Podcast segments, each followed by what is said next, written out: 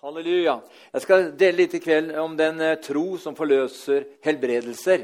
Og så skal vi ta nadvær i slutten av møtet. For Jeg har tenkt veldig mye på den siste 14 dagene, spesielt siste uka, om dette med helbredelser.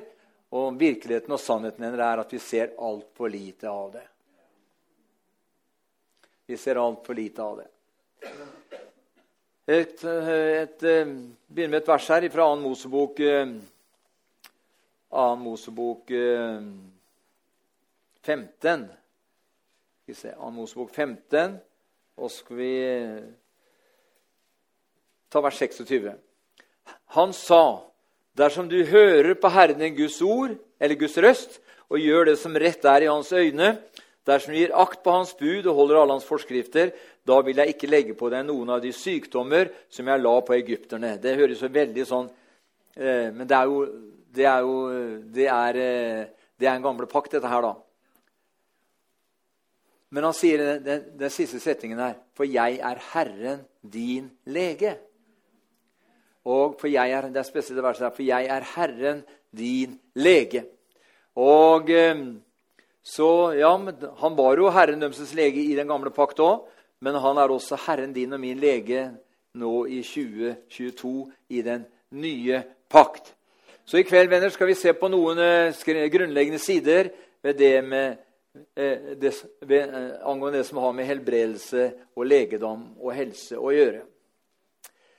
Altså Det som er en, det er, det som er, utgang, det som er en grunnleggende sannhet, venner, er at Jesus allerede i utgangspunktet har helbredet deg og meg. Det er den grunnleggende sannheten. For Han sier i Esaias 40, eh, 43 vers 5 at han ble såret for dine og mine overtredelser han ble knust for dine og mine misgjerninger. Straffen ble lagt på ham for at du og skulle få fred. Fred med Gud. ikke sant? Og ved hans sår har vi fått legedom. Dere profeterer eh, eh, profeten Esaias ca. 700 år før, eh, før, eh, før, Jesus kom. Eh, så uttaler eh, taler, taler Esaias profetisk her at han ved hans sår er vi lekt. Han ble såret for dine og mine overtredelser. Han ble knust for dine og mine misgjerninger. Straffen ble lagt på ham, altså på Jesus, for at du og jeg skulle få fred. Over hans sår har vi fått legedom. Og Så kan vi se da på 1. Peter 2, 24, som er eh, altså Her ser vi Esaias 43, 5, Det var 700 år før korset. Og så kommer Peter i 1. Eh, Peter 2, 24. Det er etter Jesu død oppstandelse etter han har satt seg ved sin fars høyre ånd i himmelen.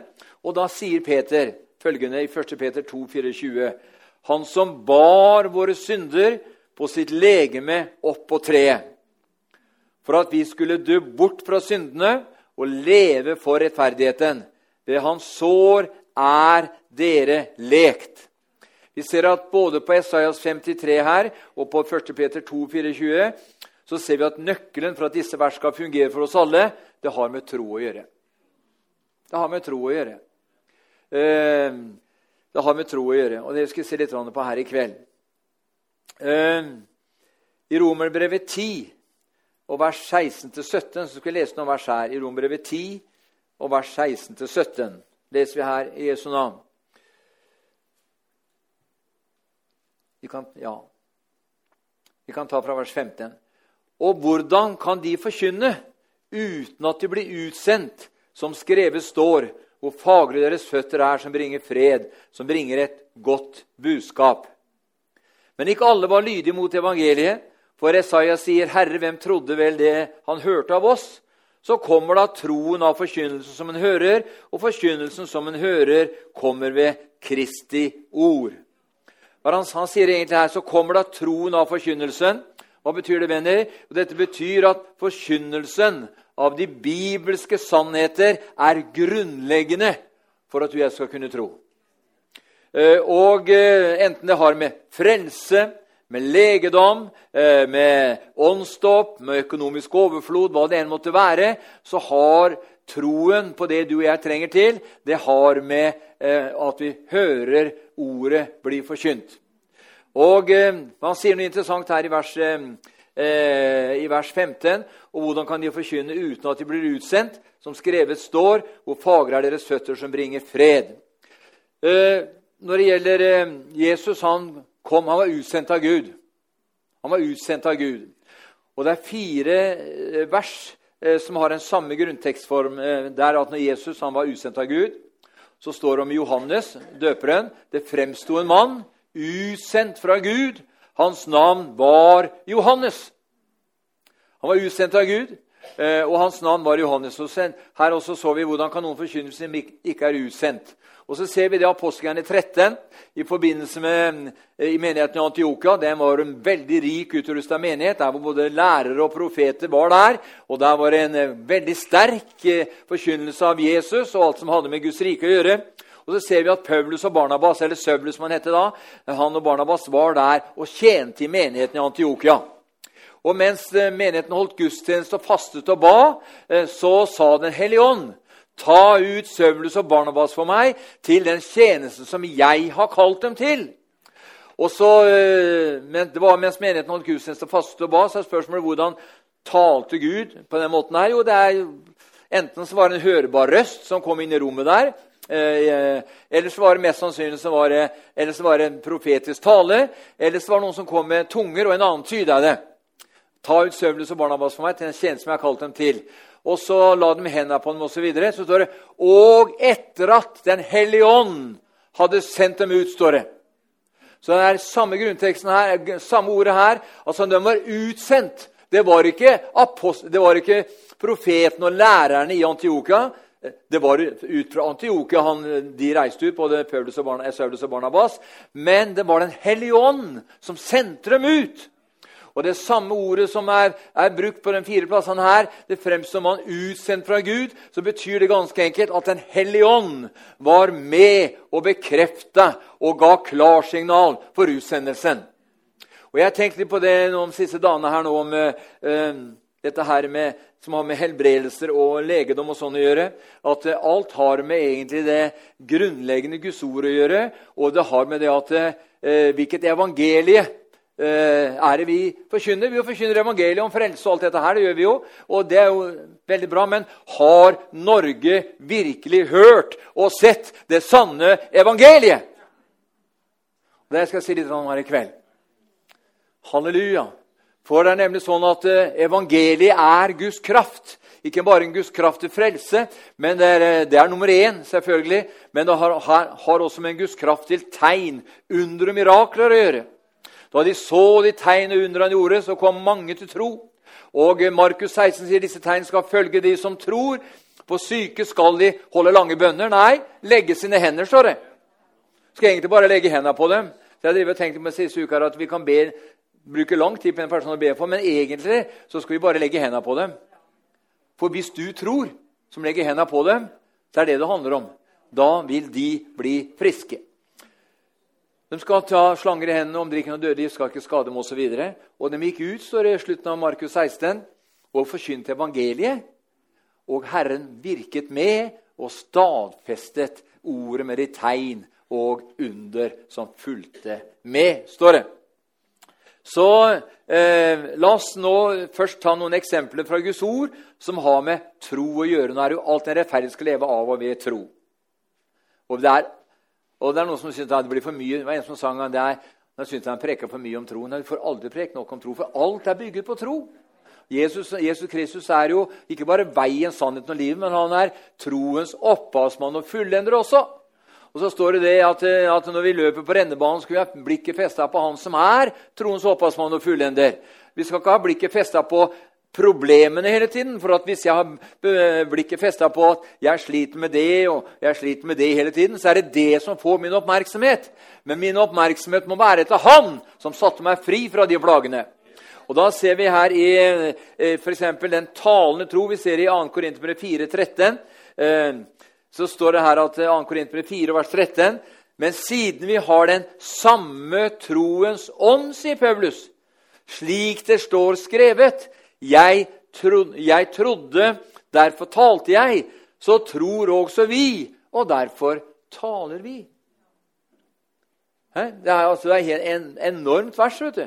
Men siden vi har den samme troens ånd Det forteller meg at det går an å ha en annen ånd enn den troens ånd som Paulus beskriver her i 2. Korinterbrev 4, 4, vers 13. Men siden vi har den samme troens ånd, slik det står skrevet 'Jeg trodde, derfor talte jeg', så tror også vi, sier Paulus, og derfor taler vi.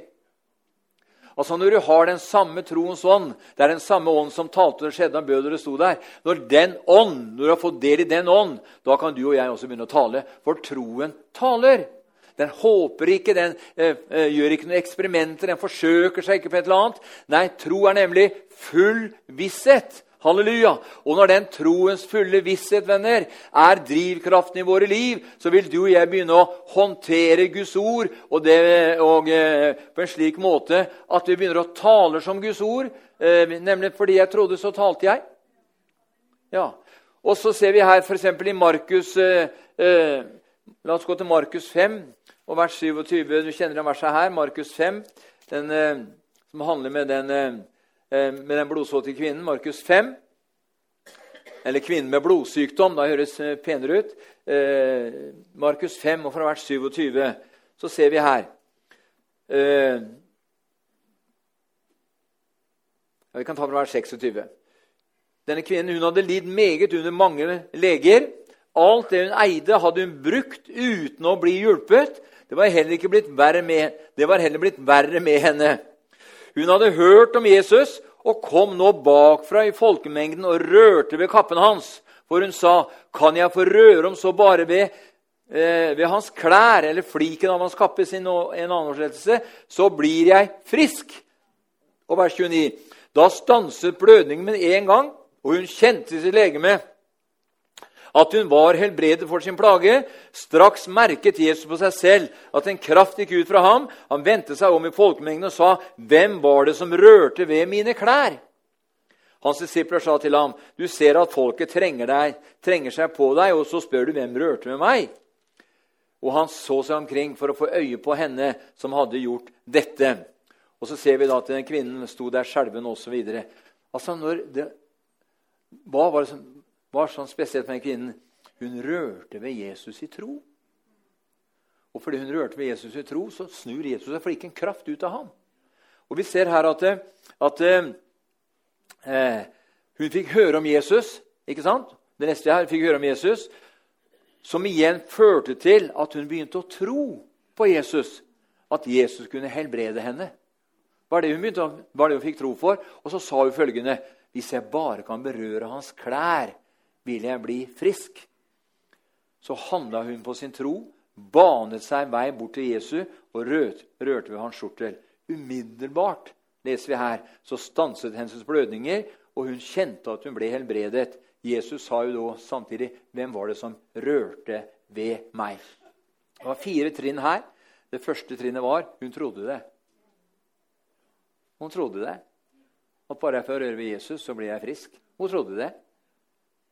Og nummer to hun sa det. Hun sa det bare jeg får røre ved ham, så, så blir jeg frisk. Vi ser at uh, troen taler. Troen taler. Og det tredje var at hun gjorde det. Hun trodde det, sa det og gjorde det hun trodde, og så fikk hun det. Ikke sant? Hun sa det. Nei, hun trodde det. Hun sa det, og hun gjorde det hun sa, og så fikk hun det. Amen. Så eh, det er altså troen har med, å, eh, har med å handle på det en hører å gjøre. Og ikke bare, for Hun hadde hørt om Jesus og hadde hørt om at han, han gikk omkring og gjorde vel. han. Det sier Apostlene 10,6. Han gikk omkring og gjorde vel. Og helbredet alle som var ovenfor djevelen fordi Gud hans far var med ham. Men det, var, det kom jo seinere. Dette her var mens, eh, det var en, det her var før, dette var før korset, til og med. Og Jesus sier, hvor han sier hvor er denne lignelsen. Hun trodde det. Så hun sa det hun trodde, eh, for troens lov har, har fungert hele tiden. For med hjertet tror man, og med munnen bekjenner man. Og det, Sånn har det med all form for tro og alle mirakler å gjøre. Det begynner med det oppkommer noe i ens hjerte. Man tror i sitt hjerte, og så, og man, og så, og så taler troen, eh, og så får man det. Et annet eksempel for eksempel, den romerske høvedsmannen i Matteus 8 og, og fra vers 5 eh, i Matteus eh, 8 Det skrives det du har hørt mange ganger lagt ut, men Rombrevet, nei, Matteus 8, og fra vers 5 og til og med vers,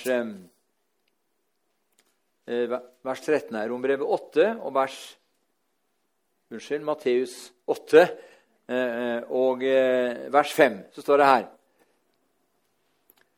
da han, da han, gikk inn i Kapernaum, kom en høvesmann til ham og bad ham og sa:" Herre, min tjener ligger verkbrudden hjemme og har store smerter. Jesus sier til ham, 'Jeg skal komme og helbrede ham.' Men høvesmannen svarte og sa, 'Herre, jeg er ikke verdig til at du går inn under mitt tak.' 'Men si bare et ord, så blir gutten frisk.'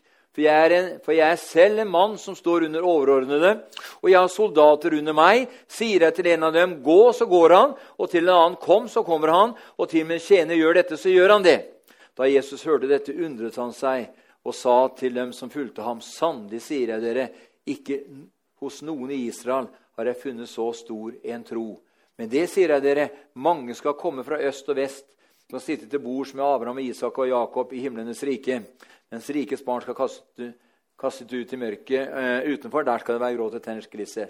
Og så kommer vers 31. Og Jesus sa til høvesmannen, gå hjem, det skal skje deg som du har trodd. Og tjeneren ble helbredet i samme stund.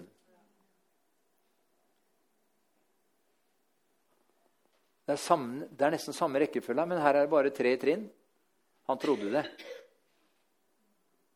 Og så sa han det. Og så fikk han det. Han trodde det bare du kommer hjem, så, hjem til meg, så, min, så vil min tjener bli frisk. Han trodde det. Han sa jo det. Og fordi han både trodde det og sa det, så fikk han det. Og da sa Jesus her i vers 13, og Jesus sa til høvesmannen, 'Gå hjem, du. Det skal skje deg som du har trodd.' Og tjeneren ble helbredet i samme stund. Så når han kom hjem, så var hans tjener til høvesmannen han var frisk. Så Et annet eksempel også her fra den kanadiske kvinnen i Matteus 15. I Matteus 15 og eh, eh, i vers 21. Matteus 15 og fra vers 21 så leser vi her. Så brøt Jesus opp derfra og drog bort til bygdene ved Tyrus og Sidon. Og se, en kanadisk kvinne fra disse traktene kom og ropte til ham og sa, 'Herre, du Davids sønn, miskunn deg over meg. Min datter plages ille av en ond ånd. Men han svarte henne, ikke et ord. Hans disipler kom da og bad ham og sa, Vis henne bort, for hun går og roper etter oss. Men han svarte og sa, Jeg er ikke utsendt til andre enn de fortapte får av Israels hus. Da kom hun og falt ned for ham og sa, Herre, hjelp meg. Han svarte og sa, Det er ikke pent å ta brødet fra barna og kaste det til de små hundene. Men hun sa, 'Det er sant, Herre, men de små hundene eter jo av smulene som faller fra bordet hos deres herrer.' Da sa Jesus til henne, 'Kvinne, din tro er stor. Det skal skje deg som du vil.' Og hennes datter ble helbredet fra samme stund. Vi ser her at eh, at uh, Jesu nærmet seg, jager henne bort. Hun var forstyrrende. vet du, Så var hun en kvinne òg. Og Jesus sa det sjøl. Jeg sa han er ikke kommet til å forkynne for andre enn de fortapte får av Israels hus. Det visste jo Jesus, og det visste jo disiplene òg. Og så kom det en kanonisk kvinne også, som, eh, som, egentlig eh, eh, ikke hadde noe med det jødiske folket å gjøre. Men så kasta hun seg ned for hans føtter. Da. Og så ser vi da at, eh, så ser vi da at da kom hun og falt ned for ham, vers 25, og sa, 'Herre, hjelp meg.' Og så, vi, så sier Jesus det er ikke rett å ta brødet fra, fra barna og gi til hundene. Og så svarer hun, 'Det er sant, Herre, men de små hundene eter jo av smulene som faller eh, fra bordet hos deres herrer.' Det var enormt godt svar. vet du. Hæ? Det avslørte sånn tro på at Jesus kunne gjøre mirakler, selv blant de som ikke var jøder. Så egentlig så ser vi her at Jesus han reagerer. Han sier at det, eh, han blir så over en voldsom tro. Det er to personer i evangelien som får, som får, eh, som får bekreftelse av Jesus om en voldsom tro. Det er, det er, altså det er høvesmannen, hærføreren, og så er det den kanadiske kvinnen. Begge to tilhørte ikke det jødiske folket, men hedningefolkene. Og begge de to får en, får en, får en beskrivelse fra Jesus at en slik tro det hadde han ikke møtt i Israel i det hele tatt. Hva var det som skjedde her? Hun trodde det. Hun trodde det. 'Jesus, du kan gjøre det.' Og så sa hun det òg, vet du. Hun trodde det, sa det, og så fikk hun det. Vi ser her den talende troen. Den, eh, han, eh, han, eh, hun trodde det, hun sa det, og så fikk hun det. Men La oss se på et, et, et annet vers her i, i Matteus 8. Tilbake der vi har vi vært før, men Matteus 8. Og skal vi lese om um, Jesus renser en spedalsk. Eh, Matteus 8, vers 1-3, så leser vi her. Da han gikk ned fra fjellet, fulgte mye folk med ham. Så det er helt tydelig at der hvor Jesus var, der var det mye folk. altså. Og se, spedalsk kom og falt ned for ham og sa, 'Herre, om du vil, så kan du gjøre meg ren.' Han trodde at Jesus kunne gjøre ham ren, men han var ikke sikker på om Jesus ville. Så sier han, 'Jesus, om du vil, så kan du gjøre meg ren.' Jesus rakte ut hånden, rørte ved ham og sa, 'Jeg vil bli ren.' Og straks ble mannen renset for sin spedalskhet. Samme løpet ser vi her. Han trodde. Og så sa han det. Og så fikk han det. Det er veldig enkelt. Han trodde det, og alt i Guds, Guds ordvelde og i Guds rike det har med tro å gjøre. Vi leste jo her at fordi jeg eh, tror, så talte jeg. Den som tror, taler. Vi kan se på de, et eksempel til. På, her var det ti spedalske. Da kan vi se i Lukas eh, Eh, i Lukas 17 eh, eh, Så ser vi her i Lukas 17 så ser vi I Lukas 17 og fra vers 11 så ser vi her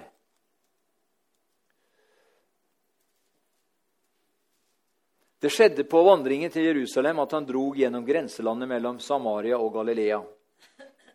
Da han gikk inn i landsbyen, møtte det, møtte det ham ti spedalske menn de ble stående på avstand, for de hadde ikke lov til å nærme seg noen friske, vet og ropte med høy røst, 'Jesus, Mester, miskunn deg over oss!' Egentlig ser vi her at de trodde. vet du. De trodde. Han så dem og sa til dem, 'Gå av sted og framstille dere for prestene.' Og det skjedde mens de var på vei dit, de handla på det som ble sagt dem, at de ble renset. Men en av dem vendte tilbake da han så at han var blitt helbredet, og priste Gud med høy røst. Og han falt ned på sitt ansikt for hans føtter, takket ham. Han var en samaritan. Men Jesus svarte og sa, 'Var det ikke ti som ble renset? Hvor er da de ni?' Fantes ingen som vendte tilbake for å gi Gud ære uten denne fremmede, sier Jesus. Det kan tyde på at de andre ni var jøder. da. Og han sa til ham, 'Stå opp og gå bort. Din tro har frelst deg', eller 'gjort deg hel', kan det også bety. Hva ser vi her? Jo, vi ser her at de, de trodde. Messias, miskunn deg over oss, ropte de alle ti.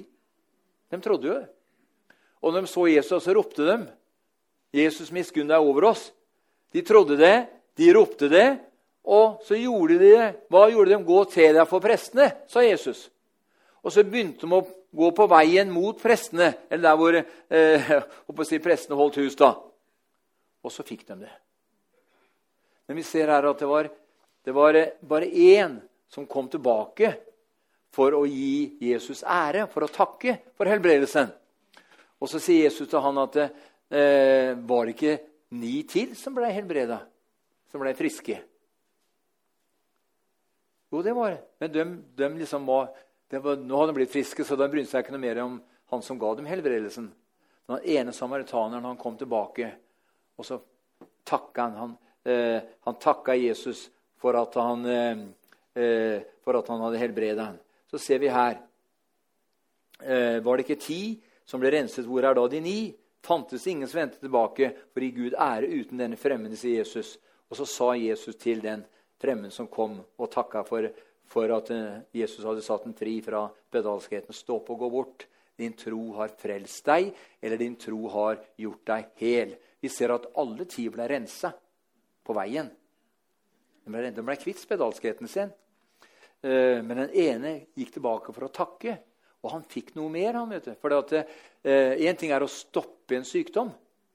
Kan du si det at Du kan si at eh, Spedalskheten fungerer på den måten at plutselig kan du miste en øreflipp. og Så kan du miste en negl, og du kan miste en finger, og en tå kan falle av. og, og du, du, du, har noe med kroppen, med, eh, med huden, kan du begynne å falle du, altså du, blir, altså kan bli, du, kan miste faktisk både den ene og den andre kroppsdel hvis spedalskheten har gått for langt. Men ble, alle ti ble rensa. Dvs. Si at utviklingen av spedalskheten stansa der og da. Så den eh, spedalske ånden, sykdomsånden den døde der og da for alle ti.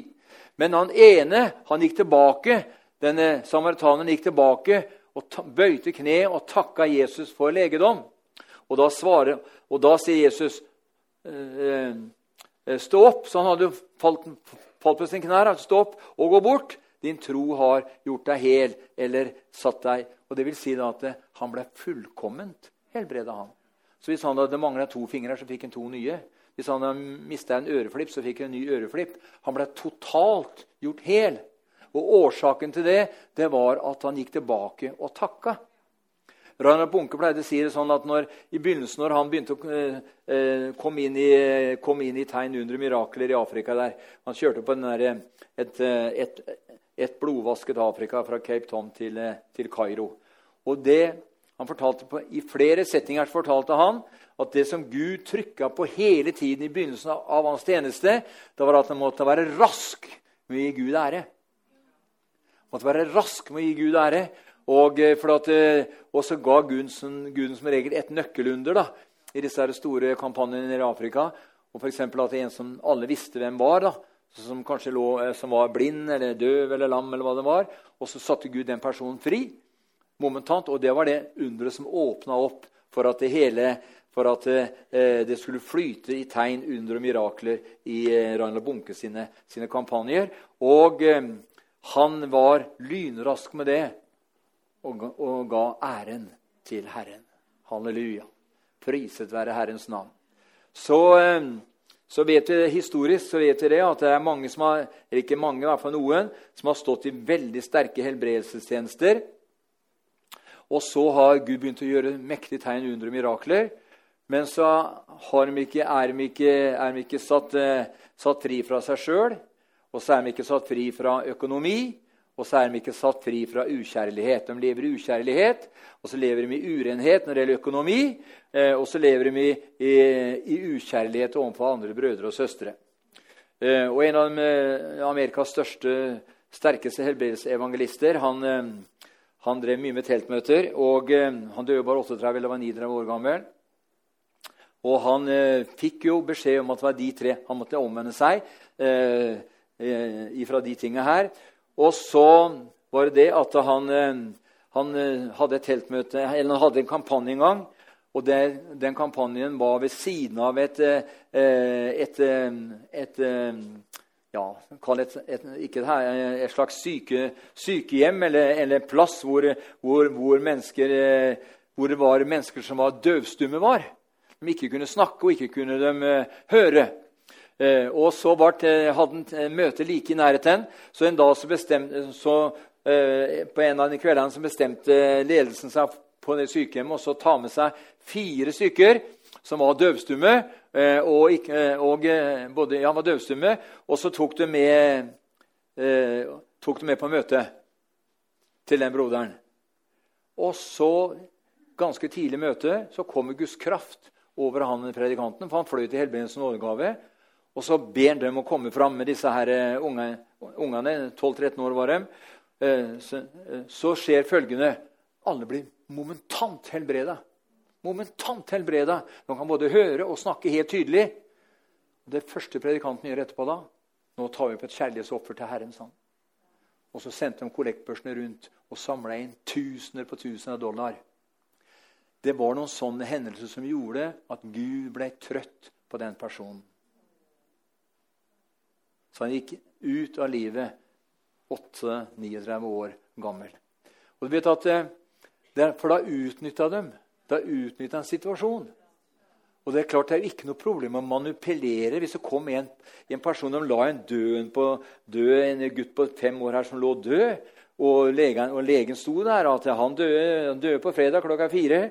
Han er død, vi kan ikke gjøre noe med Og så legger du handa på han, så blir, kommer Guds kraft over, og han begynner å blomstre til å bli full av liv. Og det er spørsmålet da at hvem får æren der og da? Da kommer media flyende for full fart. vet du. Så sier media til deg, da kommer, de, da kommer den kristne kanalene, da kommer dagsaviser og alt som er. Så sier de, hva er årsaken til at det skjedde med han da? Legen bekrefter at han har vært død siden fredag. Har du bedt mye? Har du lest mye? Har du innvia deg liksom mye? Ja, liksom, jeg har jo innvia meg litt. og sånt. Da, da er du. Da er du ferdig med. Ferdig med en gang. Gud talte til oss så kraftig her på et bønnemøte en fredagskveld for ganske mange år siden og sa klart og tydelig at den dagen jeg begynner å rekke ut min hånd, så det skjer tegn, under og mirakler som dere aldri tidligere har erfart og sett maken til. Så sa Herren da skal du ikke la deg intervjue av dagsaviser eller av presse av noe slag. Og så fikk vi det ordet der. De kom til Jesus og sa, 'Kan det komme noe godt fra Nasaret?' sa de. Hva svarte Jesus? 'Kom og se'. For i straks man for du skjønner at Både media og kristne dagsaviser og andre aviser er ikke alltid der hvor Gud vil de skal være. Og Derfor er det så viktig at vi forstår at æren og prisen og makten tilhører ham. Halleluja! Og Det var, et, det var så krystallklart vi fikk her. Og Det forteller meg venner, at det, er, at det er bare et tidsspørsmål til vi begynner å få se de miraklene begynner å flyte her. Men da kommer pressa, da kommer media. denne her. Men intervju nei takk. For media og pressa og alt det andre, de vil ha, de vil ha, de vil ha eh, oppslag da, vet du, som gjør at de selger. vet du. Dagbladet VG er jo veldig kjent for det. Altså, Når det er noen groteske ting som har skjedd i samfunnet, og Dagbladet VG har det på første side, og de henger i, henger i, jeg holdt å si, i aviskioskene bortover, så øker det salget enormt. Altså Negative, groteske nyheter det øker kraftig når de har det på for, altså forsida. Så Aviser og media de er ikke interessert i at, at eh, De er kun interessert i dem sjøl holder på med. Og det må være klart for oss som er interessert i seg og sitt. Men du og jeg vi er døde bort fra oss sjøl. 5.15. Vi tilhører ikke lenger oss selv, men tilhører Han som døde og sto opp igjen for oss alle. Og hvis du og jeg ikke lenger tilhører oss selv, men tilhører Han som døde og sto opp igjen for oss alle, da er du og jeg ferdig med oss sjøl. Det er ikke du og jeg som setter dagsorden lenger, men det er Herren som setter dagsorden. Og når, den, og når det blir en sannhet venner, i våre hjerter, så er det helt ubegrensa hva Gud kan eh, tillate av tegn, under og mirakler i og gjennom ditt og mitt liv. Og Derfor er det helt umulig å komme inn i, inn, inn i den dimensjonen av tegn under mirakler uten at vi har et korsfesta kjøtt. Den som følger meg, sa Jesus, han må daglig ta sitt kors opp og følge meg. Ja, men Det var veldig bokstavelig og lovisk. Ja, men det er ikke lovisk, det. Det er jo sant. Hæ?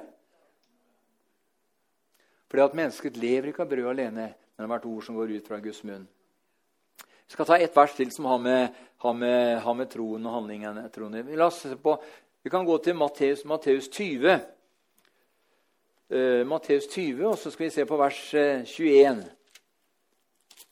Matteus 20, og i vers 21 står det her um,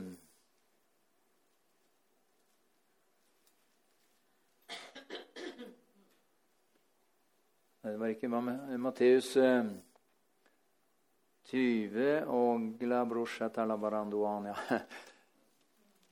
Skal vi se det var, det, det var, ikke det, verset her, ja, men jeg skrev, gjorde det feil sist gang. Jeg hadde skrevet det feil vers da òg. Jeg tenkte på det at eller, Altså hm? Ja. 21, 21. Er det ikke det? 21, 21.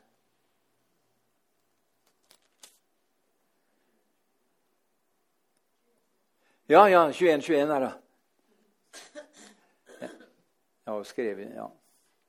Skal se her. Jesus svarte og sa til dem, 'Sannelig sier jeg dere, hvis dere har tro og ikke tviler, da skal dere ikke bare kunne gjøre slik som dette med fikentreet, men om dere så sier til dette fjellet, 'Løft deg opp og kast deg i havet', så skal det skje. Altså, hvis du tror i ditt hjerte og ikke tviler, og du kan si til dette fjellet eller det problemet eller hva det enn måtte være, løft deg opp og kast deg i havet og ikke tvile i sitt hjerte, og du tror det, du sier det, så vil du få det. Altså, det er, det er liksom så Det er så Løft deg opp og kast deg i havet, så skal det skje. For vi synger en sang ved tro er allting mulig. vet du. Alt er mulig for Gud, venner, alt er mulig for den som tror. Vi ser her, Jeg skal avslutte med eller, den, den, første bolken her med den, den, talende, den troen som taler. Vi ser her Til disse eksemplene venner, som jeg har gått gjennom nå, så ser vi at troen taler. Eh, og Akkurat på samme måte som eh, når Gud skapte, skapte himmel og jord her, eller befolka jord her, så står det i første Mosebok fra kapittel 1 og fra vers 3 og utover han, ta, han sa 'bli lys', og det ble lys. Han, eh, han, bare talte ut alt som skulle til, og så ble det slik som han sa. Og for Salmisten sier at eh, han talte og det skjedde, han bød, og det sto der. Vi ser faktisk at alt det som Gud ville ha gjort, ser vi i første Mosebok her, det ble til ved at han talte det ut. Og, eh, og Romerbrevet 4 taler om at eh, den eh, Abrahams tro han taler den som ikke er til, som om det var til, og det blir til. Men ser at ordet 'tale' er med her. Og, og jeg, at alt det som Gud ville ha gjort, ble til ved at han talte det ut. Venner, jeg innser at vi er avhengig Skal jeg si noe som du kanskje ikke har hørt noen har sagt før? Jeg innser at vi er avhengig av helbredelser for at evangeliet framover skal være troverdig.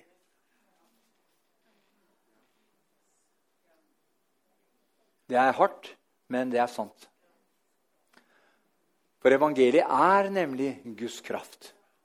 Så vi er nemlig avhengig, som jeg ser, det ble klart for meg i går kveld, at jeg innser følgende at vi er avhengig av at helbredelser for at evangeliet skal være troverdig. For ellers er det jo like mange sjuke blant oss kristne som det er der ute. Det er like mange deppa mennesker i Guds menighet som det er der ute. Det er like mange mennesker som er, som, er, som, er, som er, fulle av frykt og angst og depresjon som det er der ute. Det er ikke noe forskjell. Men evangeliet er en forskjell. Så hvis ikke, hvis ikke vi i dager som kommer, venner, kan få være med eh, at Gud manifesterer seg med tegn, under og mirakler, så er faktisk evangeliet med Der, der vi representerer og er med å sørge for at, eh, at uh, troverdigheten til det vi står for, er synkende. Vi ber for de sjuke, og de dør allikevel. Hvorfor er det? Jo, det er fordi vi kan få tak i kjerna i evangeliet. Jesus Kristus. Halleluja. Og det handler om at jeg må dø totalt bort fra meg selv. Du må dø totalt bort fra deg selv. Så skal vi få se at Hans hånd er verken for kort til å frelse eller helbrede. Han er jo nemlig troens opphavsmann og fullender. Paulus sier noe veldig sterkt i Rombrevet 15 og i vers 18. For det er jo, Så sier han følgende vi kan ta fra vers 17. Det er altså i Kristus Jesus jeg har min ros i tjenesten for Gud. For jeg vil ikke våge, sier Paulus, å tale om noe annet enn det som Kristus har utført gjennom meg for å føre hedningen til lydighet ved ord og gjerning. Og vers 19. Ved kraften i tegn og under, ved åndens kraft. Slik har jeg fullt kunngjort Kristi evangelium fra Jerusalem og rundt omkring like til Illyria. Han sier han våger ikke å tale om noe. Ja, skal vi slutte på med, altså med vanlige møter? Da sier du nei, vi skal ikke det. Men min lengsel er at vi må begynne å se de miraklene manifestert i vår midte. For det vil gjøre at evangeliet blir troverdig. Ja, men Det handler ikke om at hver den som påkaller Herren, han skal bli frelst. Jo, handler det om det. Det, handler, det, handler, det, er ikke det, men jeg tenkte på, jeg tenkte på For evangeliet er jo Guds kraft.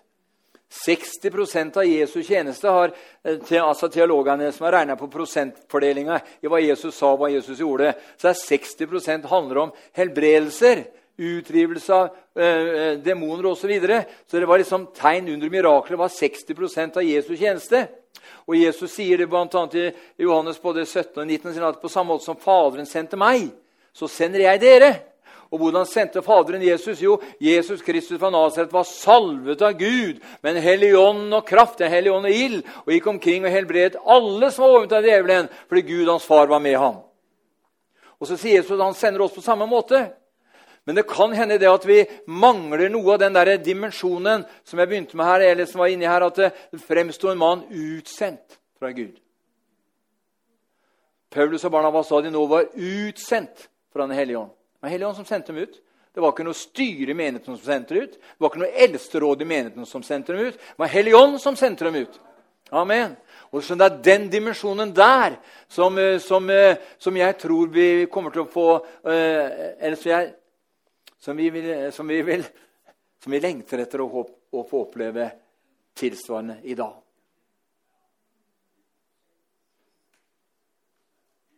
For plutselig kan Den hellige ånd si til deg, Egar jeg har ikke bare tegnet deg i begge mine hellige hender og utvalgt deg fra før verdens grunnmål ble lagt.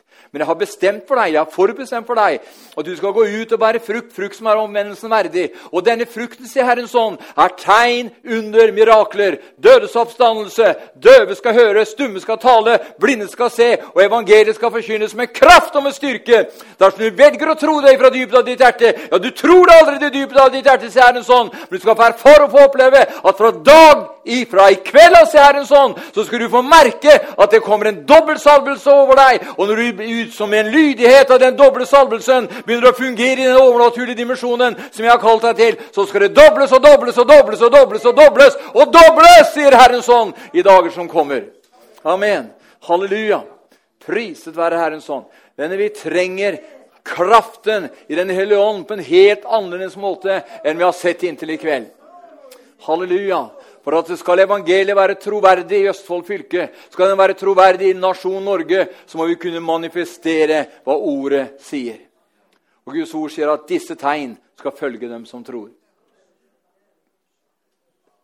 Det er evangeliet. Vi har, hatt, vi har kjørt, Men folk blir jo frelst ellers òg. Ja visst. Men det er evangeliet light. Men den blir frelst av det. Evangeliet det er Guds ord. Den blir frelst av det troen. Det er troen som frelser. Men jeg ser for meg nå, venner, at nå, vi ser et samfunn i oppløsning. Vi ser det grønne skiftet på frammarsj. Vi ser at en del grønne politikere er villige til å Om du går, eh, får mat bare to dager i uka, så er det helt ok. Bare det grønne skiftet kan få lov til å bryte igjennom. Vi ser hvordan galskapen i hele samfunnet vårt er i ferd til å forme folk. Halleluja! Og det skal vi ha en slutt på. Det er det jeg sa, halleluja, til. vi skal ha en slutt på det. Ja.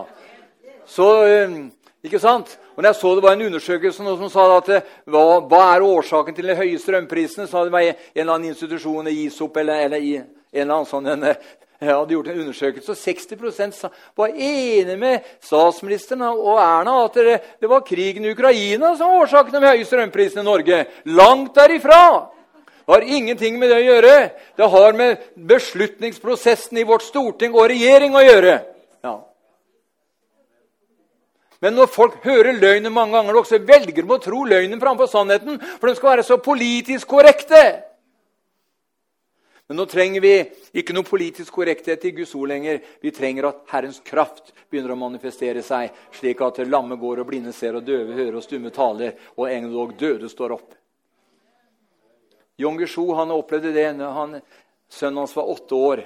Så kom det en epleselger forbi som, hadde, eh, som, var sendt av djevelen, og så fikk han et eple som var forgifta. Og så døde sønnen til Jon Guchou. Du kan lese om det i boka hans også. Og han døde der, og, han, eh, og Jon Guchou tok han opp på, tok han opp på fanget, eller på hendene sine. Han aksepterte ikke. Han aksepterte ikke at hans sønn på åtte år skulle forbli døende. Så han, han gikk og bar på sønnen sin og bare proklamerte Jesu oppstandelseskraft over ham i åtte timer! Boff, sa det. Så våkna han til liv. Ja. Det er tro, utholdenhet. Og du skjønner at det, ja, men det var Jon Gesjo, det. Ja, men han er jo samme vilkår som, som deg og meg. Det står i Jakob at profeten han taler, det regner ikke på tre og et halvt år. Han har jo samme vilkår som deg og meg, han òg. Ja. Så det handler at og, Ja.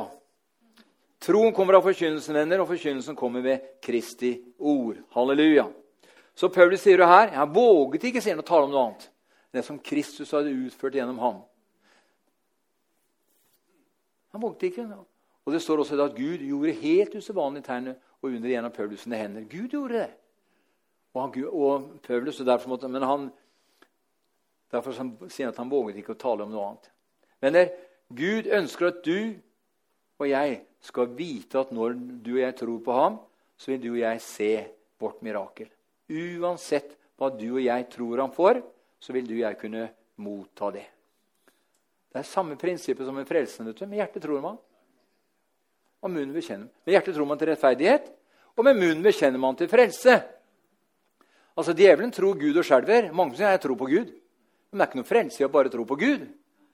Nei. Det er en milliard muslimer som tror på Allah. Det er ikke noe frelse i det. Nei. Men for hjertet tror man ikke sant? Til, til, rettferdighet. Men det blir ikke noen ny skapning ut av det. Men med munnen bekjenner man. Og da skjer underet, miraklet. Da skjer den nye fødselen. Ja, kan noen si jeg husker ikke at jeg gjorde akkurat sånn jeg ble frelst. Nei, men i prinsippet så er det det som fungerer slik det er. Og sånn er det med all tro. Har med hjertets tro å gjøre. Og når hjertets tro er der, så kan du si det. Da taler du ut. For det jeg trodde, så talte jeg. Venner, verden sier hvis en ikke kan se eller føle det, så vil en ikke tro det. Men Gud sier hvis du vil tro det, så vil du se det. Halleluja. Salme 33, 9, jeg har referert den allerede. Han som bød, han som talte, og det skjedde, han som bød, og det sto der. Denne, du og jeg vi må ikke glemme at vi er skapt i Guds bilde. Gud har to føtter, han har to hender og han har ett hode. Han har ikke mange hoder. Nei, Da blir du troll, da. Nei, ikke sant? Han har skapt deg og meg i sitt bilde. Til mann og kvinne skapte han dem. Og Gud opererer i troen 100% han, han taler, og det skjer. Han byder, og det står der. Og egentlig Når du og jeg er skapt i hans bilde, så ligger det også eh, ned, altså nedplanta i deg og meg at du og jeg også kan begynne å tale. For det blir nemlig som du sier. skjønner du. Jeg tror jeg får vondt i huet i morgen. Ja. ja bare vent, du får vondt i huet i morgen. altså. Ja. Vi må tale som Guds ord. Og Guds ord sier da at i morgen så får du en herlig dag. Halleluja. Vi så f.eks. når Herren kaller på Moses. da. Så vil ikke slå på den lesende verset, men I 2. Mosbok fra kapittel 4, og vers 1-12. Vi ser at Moses han vegrer seg eh, i, eh, i 2. Mosebok 4 eh, og eh, i vers, eh, fra vers 1. Så ser vi at i begynnelsen når Herren åpenbarer seg, så, så ser vi at han vegrer seg og innvender først. Og så i vers 1 så ser vi at eh, deretter så viser Herren ja, Kanskje vi skal skal vi slå det på, Kristian? Moses svarte, men sett at de ikke tror, tror, meg og ikke hører på meg, men sier, Herren har ikke vist seg for deg. Herren sa til ham, hva har du i hånden? En stav, svarte han. Kast den på jorden, sa han. Og Moses kastet den på jorden. Da ble staven til en slange, og Moses flyktet for den. Herren sa til Moses, rekk ut hånden og grip den i halen. Så rakte han ut hånden og grep den i halen, og den ble til en stav i hånden hans. Dette er for at de skal tro at Herren, fedrenes Gud, Abrahams Gud, Isaks Gud og Jakobs Gud har vist seg for deg. La, la, dette er, skjer for at de skal tro, står det. Og Herren fortsatte. Stikk hånden inn på brystet. Han stakk hånden inn på brystet og dro den ut igjen. Og se, hånden hadde fått hvite flekker lik snø. Da sa Herren, stikk hånden inn på brystet igjen. Moses stakk hånden inn på brystet, og han dro den ut. Og se, huden var blitt som før. Og om de ikke tror deg og ikke adlyder ved det første tegnet, så vil de tro etter det andre, sier Herren til Moses. Men tror de ikke etter noen av disse to tegnene, og hører de ikke på deg, så skal du ta vann fra Nilen og helle det ut over den tørre, den tørre marken. Og vannet du tar fra Nilen, skal bli til blod på marken. Men Moses sa til Herren, Herre, hør, jeg har aldri vært noen ordets mann, verken før eller nå, etter at du begynte å tale til din tjener. Sen er min munn, og sen er min tunge. Da sa Herren til ham, Hvem gir mennesket munn? Hvem gjør stum eller døv, seende eller blind? Er det ikke jeg, Herren? Og i hvert fall, gå nå, jeg skal være med din munn og lære deg hva du skal si.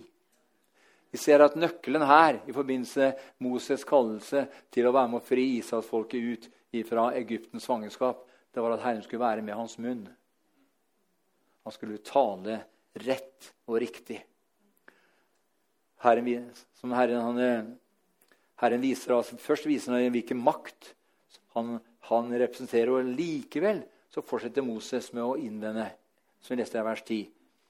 Da sa Herren rett ut her i vers 12.: Jeg vil være med din munn og lære deg hva du skal tale. Venner, vi ser her at Herren skulle være med Moses sin munn.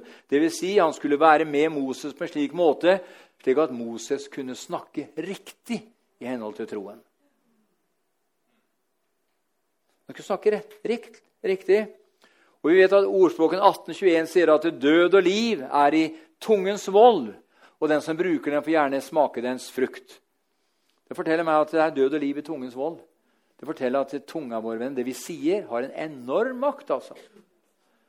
Og hva er tro? Det vet vi jo. Hebrevet 11, vers 1-3. Tro er full visshet. Her vi kan godt, godt slå det opp eh, i i Hebrevet 11 og 1-3. Kristian. Troen er, på, er, et pant på det vi håper, et bevis på det vi ikke ser. For sin tro fikk de gamle godt vitnesbyrd. I tro forstår vi at verden er skapt ved Guds ord, og at det vi ser, har sitt opphav i det usynlige. Halleluja. Så hva gjør troen, da? Jo, jeg var så vidt innpå det i forbindelse med ja, fra Rombrevet 4 og Fra vers 17 utover skal ikke lese verset, men vi, den taler om det som ikke er til, som om det var til, og det blir til. Det er det troen gjør. Troen taler om det som ikke er til, som om det var til, og det blir til. Så mener, troen taler. Derfor skal vi aldri henge oss på negative bekjennelser.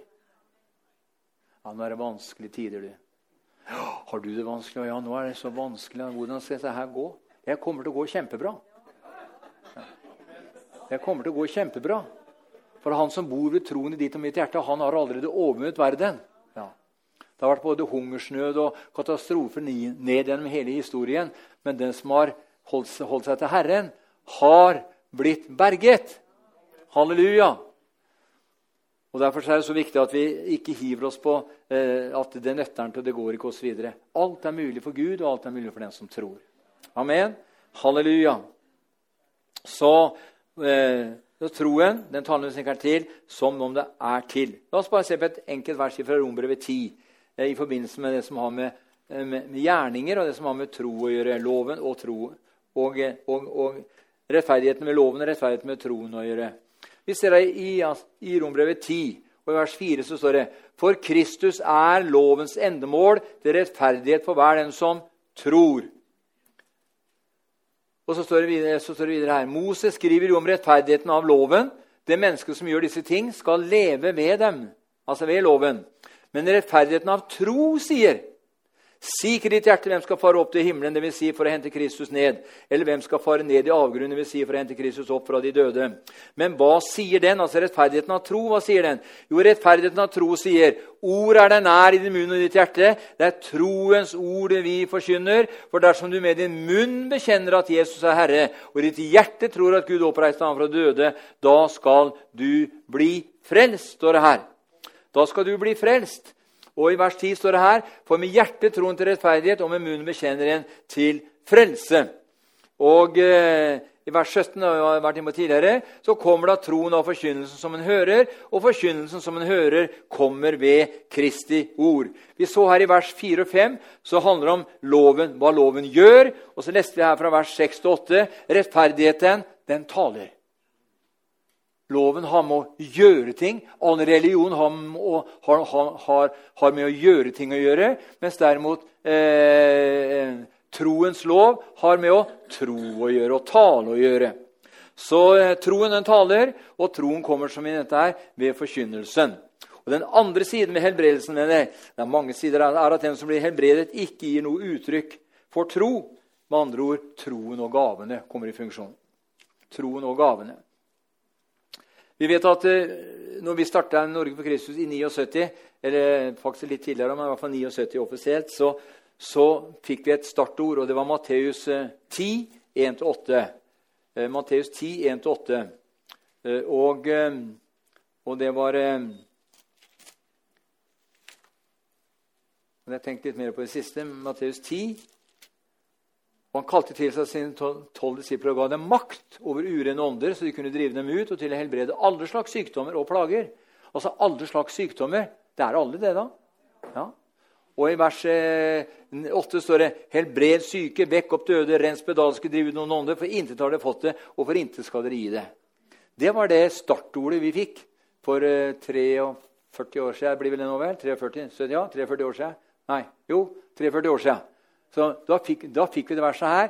Og så kan, ja, men hvor har det blitt? Kan noen si da? Ja, ja, vi ser da, fikk, Men har det skjedd noe ennå? Nei, ikke, ikke, i den grad som står her. Men det kommer nå. Jeg er helt overbevist, og vi skal få se det. Det er like rundt hjørnet. Og Vi ser her for i forbindelse med eh, når, når gaven er i funksjon. Vi så f.eks. Jesus han kom på besøk til Peters svigermor i, i, i Matteus 8. Eh, så ser vi her i Matteus 8 og vers 14 og 15 så står det her. Da Jesus kom inn i Peters hus, så han at hans svigermor lå til sengs og hadde feber. Han rørte ved hennes hånd, da forlot feberen henne, og hun sto opp og kjente ham. Altså, Det hadde ingenting med Peters svigermor å gjøre, det hadde ikke noe med Peters svigermors tro å gjøre. Men det kom en inn der som hadde tro, og så bare rørte han ved Peters svigermor. Så var hun frisk, og så sto hun opp og så lagde mat til dem. Ikke sant? Eller noe i den, Og tjente dem, står det. Ja. Vi ser f.eks. Ja, du kjenner det verset der, i Apostelgjerningen 3, i forbindelse med den lamme mannen. Så ser vi da at Peter sier at sølv og gull eh, Apostelgjerningen 3, fra vers 4 til 8. Sølv og gull har vi ikke, sier Peter. Men det jeg har, gir jeg deg. I Jesu Kristi Nazarens navn. Stå opp og gå. Tok ham med hånden og reiste ham opp. Og han løp omkring og priste Gud. Initiativet kom ikke fra den lamme mannen. Initiativet kom fra Peter. Akkurat som Jesus med den svigermora til Peter. Det var Jesus som gikk for det rørte på henne. Her var Peter som handla på samme måten. Troen handler. Det er den andre siden. Den lamme hadde mest sannsynlig ikke noe, hadde ikke noe tro i hele tatt. Han, mest sannsynlig. Han var interessert i en almisse. Han ville ha penger, så han var tigger. Han, Han ville ha noe penger. Eh, så initiativet kom fra Peter. Eh, og, eh, og da, ja. og, den, og, den, dimensjonen der skal også du og jeg komme inn i. Jeg skal ta et, ta et par eksempler til før jeg skal slutte her. Men i, i Apostlene 9, i Apostlene 9 og vers 32-34 så ser vi her i forbindelse med Eneas mot Peters, ja, Peter igjen. Han sier her i Apostlene 9 og vers 32-34 så sier han her mens nå Peter dro omkring fra sted til sted, kom også han ned til de hellige som bodde i Lydda. Der fant han en mann som het Eneas, som hadde ligget åtte år til sengs fordi han var lam. Og Peter sa til ham, 'Eneas, Jesus Kristus helbreder deg. Stå opp og res sengen din.' Og straks sto han opp. Og de, og de, så ham, alle de, og de som så ham, alle de som bodde i Lydda og Saron, og de omvendte seg til Herren, står det. Vi ser her at eh, han sier, 'Eneas, Jesus Kristus helbreder deg. Stopp, res sengen din og gå hjem. holdt jeg på å si. Ja. Så er det spørsmålet at, at her ser vi da at det så ikke om at Eneas hadde noe tro her heller. Men Peter hadde. Peter hadde. Han, visste, han sa jo det Apostlene 3 der, det jeg har, det gir jeg deg. Så jeg er helt overbevist om at Peter fungerte i nådegaver til å helbrede. Og er det noe vi trenger i Norge da, venner, så er det nådegaver til å helbrede. Halleluja. Et annet tilfelle eh, Det var til og med i Apostlene 5, vers 15-16. Så ser du at det, at det, var en slik tro i folket der at de bar de syke ut på fortauer og gater, slik at bare Peters skygge kunne falle på dem. står det. Og de, de ble friske òg. De falt ikke bare på dem, de ble friske. Venner, så jeg skrev her Tilsvarende mektige mirakler vil vi nå bli vitne til før Jesus kommer igjen. Jeg er helt overbevist om det. Jeg er helt overbevist Altså, det er sikre, Jeg er mer overbevist om det enn at du ser meg stå her nå. Så sikker er jeg på det. Det kommer til å skje. Det kommer til å skje. Halleluja. For Gud har talt til oss opp igjennom helt siden, helt siden, helt siden brokaffens tid. Så husker jeg at Gud talte profetisk og sa jeg skal gjøre noe i de ytterste dager som ikke er gjort, som ikke er sett tidligere. Så det som kommer til å skje nå, venner, kommer ikke til å ha noe historikk på. Ja, men Det var det samme som skjedde i 1938 eller 1952 eller 1968. Nei, det som Gud skal gjøre nå, skjønner du, har vi ikke noe historikk på. Er ikke noe For nå gjør Gud noe nytt. Halleluja. Vi skal få se Hans hånd utrakt i mektige tegn, under og mirakler. Halleluja. Vi ser til med at vi skal eh, fortsette i Apostlene 9 og vers 36. Så ser vi da at Peter igjen i Joppe var det en kvinne som var, dis, som var disippel. Hun het Tabita på gresk Dorkas. Hun var rik på gode gjerninger og gav mange almisser.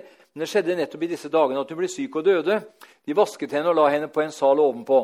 Da, da Lydda ligger i nærheten av Joppe, og disiplene hadde hørt at Peter var der, sendte de to menn til ham og ba kom hit til oss uten å nøle.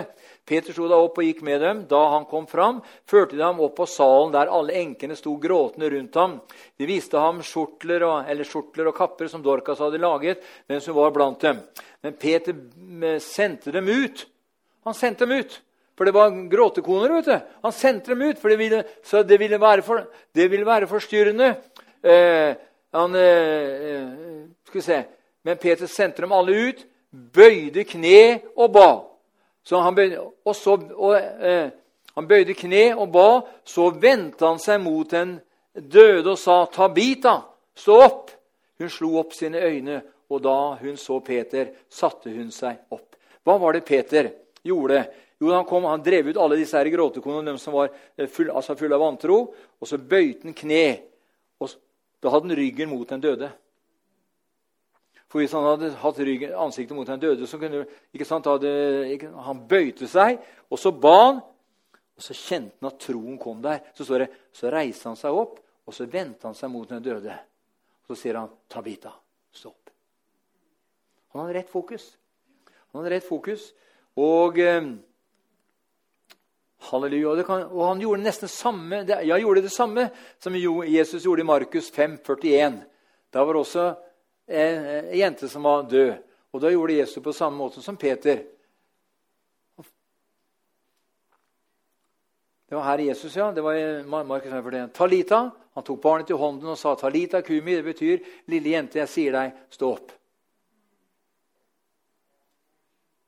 Og hun sto opp. Halleluja. Jesus sa jo det venner, i Markus 16, at i mitt navn skal de som tror, legge sine hender på dem syke osv. Halleluja.